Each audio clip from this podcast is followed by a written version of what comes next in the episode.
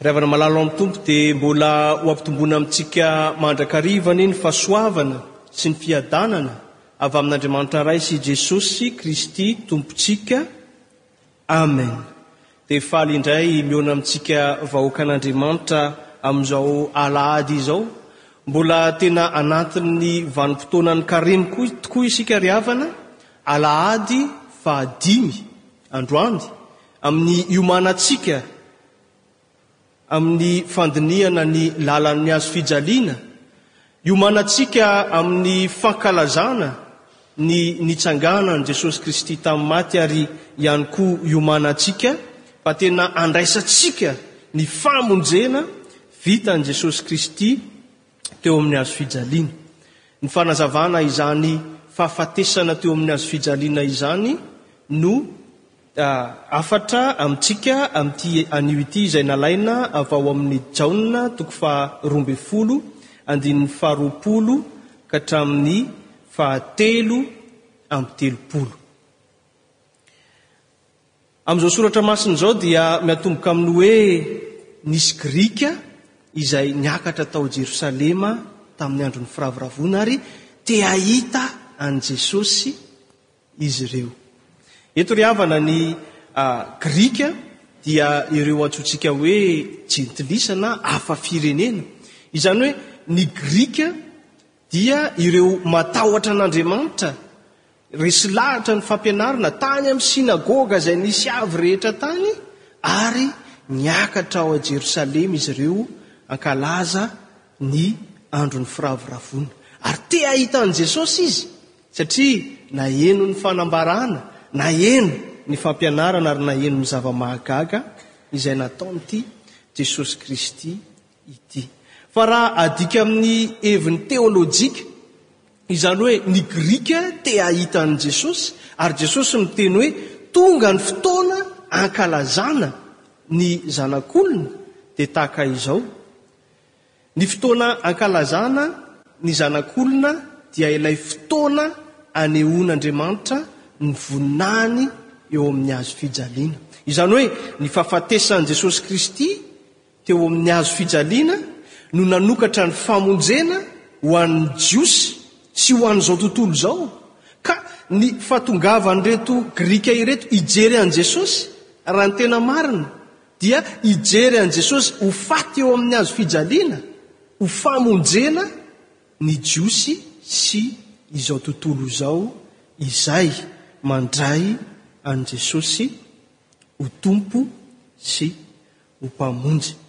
Ny zavatra voalohany tsikaritrintsika Amin'izao andalan-tsoratra masina izao ry havana dia ny hoe mangorohoro ny fanahin'i Jesosy hiatrika izany ora farany izany.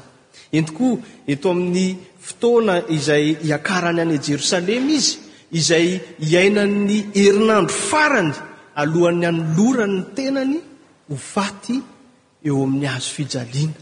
Mangorohoro ny fanahin'i Jesosy hiatrika izany ora izany. Izany no voalaza eo amin'ny andininy fahafito amby roapolo. Ny hoe mangorohoro eto ry havana dia avy amin'ilay voambolana grika hoe taraso, izany hoe tena mihovitrovitra. Asa moa raha misy mpitsabo an? amintsika ireto fa misy an'ilay fanafody antsoina hoe ataraksa. Ny ataraksa dia iadiana amin'ny ino moa izany otrany hoe mihovitrovitra, tsy teny aho hoe andro be fa amin'ny terme médical mety misy azo ilazana azy fa Ny ataraksa dia avy amin'izay tarasso izay fa misy an'ilay a privatifan'ny greka izany, izany hoe fiadiana amin'izay. Izany hoe raha miteny izany ny soratra masina hoe mangorohoro ny fanahin'i Jesosy dia tena mihovitrovitra ao anatiny mihitsy satria hiatrika izany asa lehibe izay nampanirahan'ny Tompo azy izany. Tena mangotrakotraka mihitsy ny ao anatiny ao. Satria ho amin'izany asam-pamonjena ho faty amin'ny hazo fijaliana izany no natongavany. Ary na tsika olombelona ary, indraindray tena rehefa misy fotoan-dehibe atrehantsika, dia tena somebiseby ao anatiny ao, tena mangitakitaka. Mety tsy mitovy amin'izay fa tsaroako tsara tamin'ny fotoana izay nanambadiako, Dia ny marainany iny efa tena, ny alina iny dia efa tsy andro fa mangitakitaka. Ary ny maraina dia efa mangitakitaka. Izany ara fahasoavana, nen'i Jesosy Kristy hoe tena hanolotra ny tenany hanao ny asa namonjeny ny Ray. Dia izao, tena nangorohoro ny fanahiny. Ary eto dia hita fa sady olombelona Jesosy Kristy no Andriamanitra. Izany no fampianaran'i Lotera. Ao amin'i Jesosy Kristy no ahitana ny endrika cent pour cent, zato isan-jato, olombelona, kanefa kosa zato isan-jato, Andriamanitra. Misy ana, a, zavatra anankiroa izay misaraka mazava tsara nefa mifampiampita. Ny tiana ambara, ry havana, dia izao. na dia nangorohoro ary Jesosy Kristy. Dia nandroso ihany izy satria nanana finoana an'ilay Andriamanitra Ray izay naniraka azy. Ary na dia tao Getsemane aza niova ho ran'ny hatsembohany, ary na dia teo amin'ny hazo fijaliana aza izy niantsoantso hoe, Ray ô, nahoana no mahafoy ahy ianao? Dia nandroso ihany izy. tamin'ny finoana. Atanteraka izany asa masina nankinina taminy izany. Isika tsirairay avy ihany koa amin'ny asa nankinin'ny Tompo amintsika. Isika tsirairay avy ihany koa amin'ny asa masina lehibe izay iantsoan'ny Tompo antsika. Mety mangorohoro tahaka izany ihany koa isika. Ahoana re ity zavatra ity e? Omaly izay tao amin'ny Synode Financier ny FPMA National dia ny tenin'Andriamanitra nentin'ny Pasteur Seth Rasolondraibe filohan'ny FPMA dia ny hoe mila miampita ny ranomasina mena amin'izay tsika amin'ny fametrahana mpitandrina matihanina isaky ny tafo eto amin'ny FPMA. Vina lehibe izany ry havana. Ary mangorohoro ny fanahin'ny tsirairay hoe, ho tanteraka ve izany? Inona ny sacrifice rehetra tokony hatao amin'izany zavatra izany? Inona ny fandavan-tena? Inona ny fanoloran-tena? Kanefa izao, anatin'ny finoana e, no handrosoana. Satria isika tsirairay avy no nofidin'Andriamanitra hanao ny asany, fa ny heriny no miasa aty anatintsika fa tsy mba isika. Eny tokoa, n'inon'inona zavatra mitranga ao amin'ny fiainanao amin'ity anio ity, izay ilay antsoin'ny teolojianina hoe, amin'ny teny latinina hoe communicatio idiomatum, izany hoe ilay maha Andriamanitra sy an'ny ah, maha olombelona an'i Jesosy dia mifandray. Ka ao amin'i Kristy no atsapan'Andriamanitra ny fahoriantsika, satria Kristy dia efa tonga olona, Tahaka antsika. Ary ao amin'i Kristy ihany koa no ahitantsika ny famonjena, iainantsika ny fiainan-danitra sy ny fiainana avy amin'Andriamanitra. Hitan'Andriamanitra anie io zavatra mahazo anao io e. Tsapan'Andriamanitra anie io ahiahy tebiteby lalovanao io e. Izy izay efa niharan'izany ihany koa tamin'ny asa lehibe izay nakinina taminy. Koa mahereza, ry havana malala ao amin'ny Tompo. Zavatra faharoa izay hitantsika dia izao, mila fanoloran-tena sy fandavan-tena ny famonjena izay nataon'i Kristy. Mila fanoloran-tena sy fandavan-tena ny famonjena izay nataon'i Kristy. Ary eto dia oharin'i Jesosy amin'ny voam-bary, izay rehefa afafy ny voam-bary ka tsy maintsy maty izany voam-bary izany, izay vao mahavokatra mitondra ny famonjena antsika. Ary eto dia efa hita sahady ny miverina indray ny fanafahan'Andriamanitra tamin'ny endrik'ilay Zanak'ondry izay novonoina tany amin'ny tany Egypta, raha tsadidintsika ao amin'ny Eksodosy toko faharoa ambin'ny folo, dia rehefa tamin'ny loza fahafolo dia hoy i Jehovah tamin'i Mosesy hoe, Ankalazao anao ny Paska, fa ho aringako ny lamatoa rehetra eto amin'ity tanàna ity ka Ao amin'ny tokantrano izay misy ny Hebreo na ny Zanak'Israely dia asaivo mamoa ny zanak'ondry izy ary ny ran'ny zanak'ondry dia ataovy amin'ny tolàna, ka raha ho avy ny anjelin'ny fandringanana dia tsy mba ho voaringana kosa ny fianakaviana, ny Zanak'Israely. Dia tahaka izany koa ity Jesosy Kristy ity izay nanolotra ny tenany ho faty tamin'ny hazofijaliana. Eny, amin'ny maha olombelona azy, eo ihany koa ny maha Andriamanitra azy, fa amin'ny maha olombelona azy dia te hihemotra ihany izy indraindray, ary voalaza izany hoe, Ray ô, te hiala amin'ity ihany aho, kanefa ny sitraponao no ataoko. Amin'izany dia nanolotra ny tenany izy, nandà ny tenany izy ary natao sorona tamin'ny hazo fijaliana ho famonjena antsika. Nalatsany teo ny rany ary ny ra soa izay nalatsak'i Jesosy Kristy teo amin'ny hazo fijaliana no hiaro antsika amin'ny fahatezeran'Andriamanitra izay hihatra amin'izao tontolo izao.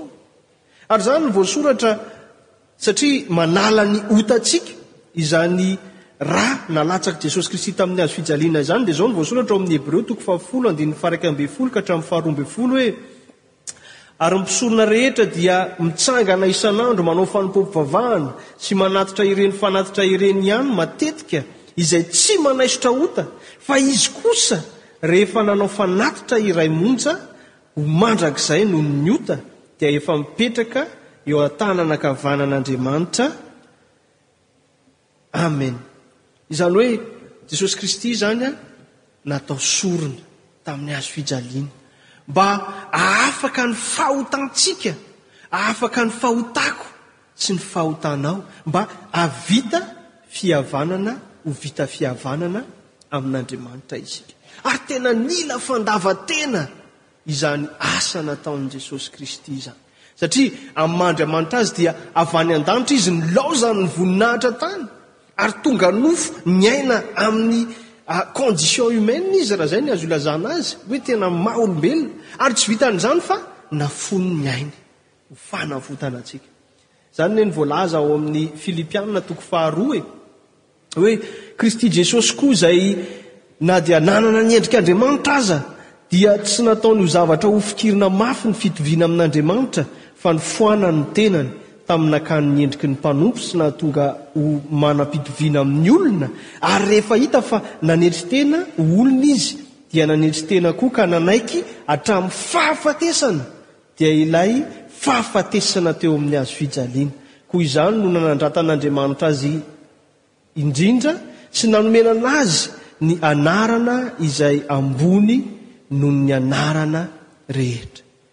Ity ilay antsoin'ny teolojianina hoe kenosis, na hoe tena hoe na, na, Nanolo-tena, ahoana moa izany? Videment izany raha izay ny filaza azy amin'ny teny frantsay. Izany hoe tena nihetsy tamin'ny farany ambany Jesosy Kristy ary tsy vitan'izay fa nalany ny endrika rehetra mety ho sitrapo tao aminy fa dia nanolotra ny tenany izy ho faty teo amin'ny hazo fijaliana. Ary izany no nanakara ny siam-boninahitra, izany no nanomezan'Andriamanitra ny voninahitra Azy, dia izany fanetren-tena lehibe izany, sy hatramin'ny nahafatesany teo amin'ny hazo fijaliana.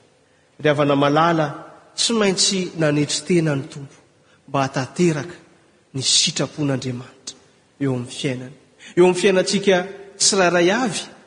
Moa ve Manana izany fanetren-teny izany tsika mba hitenena an'Andriamanitra antsika, mba hitantanan'Andriamanitra amin'ny fiainantsika, sa kosa ny sitrapontsika no mibahana eo amin'ny fiainantsika? Fa zavatra fahatelo farany dia izao ry havana, Ny mpanompon'i Kristy koa dia manaraka Azy. Izay no ambaran'i Jesosy Kristy eto amin'ity andinin-tsoratra masina ity. Ny mpanompon'i Kristy dia manaraka Azy. Izany hoe manaraka izany lalam-panoloran-tena sy fandavan-tena izany, raha te hahita ny voninahitra tahaka an'izay nihatra tamin'i Jesosy Kristy. Ary ny apostoly Paoly dia tena resy lahatra amin'izany fanarahana ny fanoloran-tena sy ny fandavan-tena an'i Jesosy Kristy izany. Hoy ny apostoly Paoly ao amin'ny Romana toko fahavalo andininy fahavalo ambin'ny folo hoe fa ataoko fa ny fahoriana amin'izao andro ankehitriny izao dia tsy tokony hoharina amin'ny voninahitra izay aseho amintsika. Ravana malala ao amin'ny Tompo izany fanetretena izany, no lalana fanarahantsika an'i Jesosy Kristy. Ary izany no fanazavan'ny Apostoly Paoly hoe mila ombona amin'ny hazo fijaliana ny nofontsika sy ny fihevitritsika, ny fihevitra amin'ny maha olombelona antsika satria izany indraindray no misakana ny fanatanterahana ny sitrapon'Andriamanitra eo amin'ny fiainantsika. Ilay fahotana vitantsika io anie efa endrika ivelany ihany fa ao anatintsika ao dia misy ny atao hoe ota na misy ny nofo. Ka izany fihevitry ny nofo sy fitarihan'ny nofo izany no mila ombona amin'ny hazo fijaliana, hoy ny apostoly Paoly. Izany indrindra anie no mahatonga azy e! Rehefa avy nanombo an'izany nofony izany tamin'ny hazo fijaliana, dia hoy izy hoe, Voahombo miaraka amin'i Kristy eo amin'ny hazo fijaliana aho, ka tsy izaho intsony no velona fa Kristy no velona ato anato. Galatiana toko fahadimy andininy faharoapolo. Ry mpanompon'Andriamanitra, ry vahoakan'Andriamanitra, Moa ve te hiaina ny fiainam-baovao ao amin'Andriamanitra ianao? Moa ve te handeha araka ny sitrapon'Andriamanitra ianao? Meteza hombona eo amin'ny hazo fijaliana ny nofinao. Ary hoy ny apostoly Paoly hoe, moa tsy fantatrareo fa izay an'i Kristy Jesosy dia efa nanombo ny nofiny sy ny faniriany mba ny filany tamin'ny hazo fijaliana. Ry havana malala, zava-dehibe io hazo fijaliana io. Sady famonjena antsika io. Nitondran'i Jesosy Kristy ny fahotana teo amin'izany hazo fijaliana izany, mba hamelan'Andriamanitra ny fahotantsika, fa ihany koa hanomboana ny nofontsika. Amin'izany hazo fijaliana izany. Ary raha tanteraka izany, dia miseho eo amin'ny fiainanao Andriamanitra. Raha tanteraka izany, dia manao ny sitrampon'Andriamanitra ianao, izay tsara sady ankasitrahana ny marina. Ary raha tanteraka izany, dia mahefa be ianao amin'ny asa fanompoana, fa mahatonga ny mpanompon'Andriamanitra indraindray Toa ohatran'ny miferin'aina amin'ny asa fanompoana, satria mbola tarihin'ilay fihevitry ny nofo amin'ny ilany ary tarihin'ny sitrapon'Andriamanitra. Ka raha mandresy ny fihevitry ny nofo, dia ady sy fikorontanana ny ao amin'ny asa fanompoana. Fa raha voahombo amin'ny hazo fijaliana kosa ny fanirintsika sy ny filantsika sy ny nofontsika. dia fiainam-baovao, fiainan-danitra, no santarintsika ety an-tany. Ary io fanomboana amin'ny hazo fijaliana io, ry havana, dia tena hita amin'ny mpanompon'Andriamanitra, na amin'ny zavatra kely indrindra, na amin'ny zavatra tena lehibe indrindra, na amin'ny zavatra tena farak'izay kely aza. Tamin'ny tenako tany Madagasikara moa tamin'ny fahatanorana, eny na dia mbola tsy dia tena antitra loatra aza, fa tamin'izany andro izany dia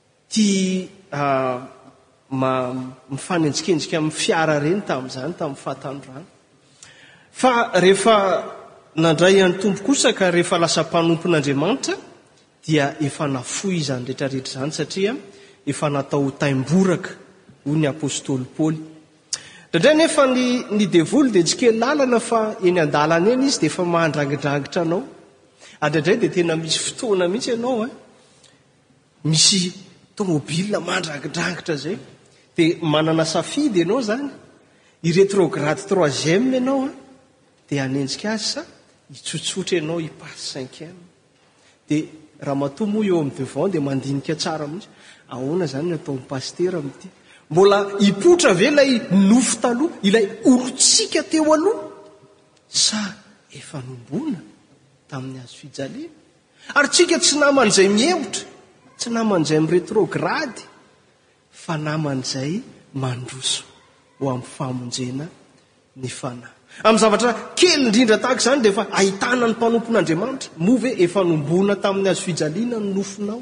Moa ve efa nombona tamin'ny hazo fijaliana ny fanirianao sy ny filanao? Zava-dehibe izany ry havana, satria témoignage izany, fijoroana vavolombelona eo amin'izao tontolo izao. Fa amin'ny zavatra lehibe indrindra ihany koa dia ny fanompoana dia ny famelana an'Andriamanitra hiseho eo amin'ny fiainanao, ny famelana an'Andriamanitra hiasa eo amin'ny fiainanao, ny famelana an'Andriamanitra hanify antsika mpanompony. Enganie ny Fanahy Masina handresy lahatra antsika amin'ity anio ity ka dia atolotsika hombona amin'ny hazo fijaliana eto Izay rehetra mbola eritreretintsika hoe manakatsakana amin'izany asa fanompoana izany ary hanao ny atao hoe don de soi tsika, hanolo-tena ho an'Andriamanitra manontolo satria ho amin'izany ihany koa no niantsoana antsika. Ary faranana izao tenin'Andriamanitra izao amin'ilay teny ao amin'ny Ohabolana toko faha roa amby roapolo andininy faha efatra hoe, Ny valin'ny fanetren-tena sy ny fahatahorana an'i Jehovah dia harena sy voninahitra. ary fiainana. Ho an'Andriamanitra rery ny voninahitra. Amen. Mitsangàna handray ny fitahiana.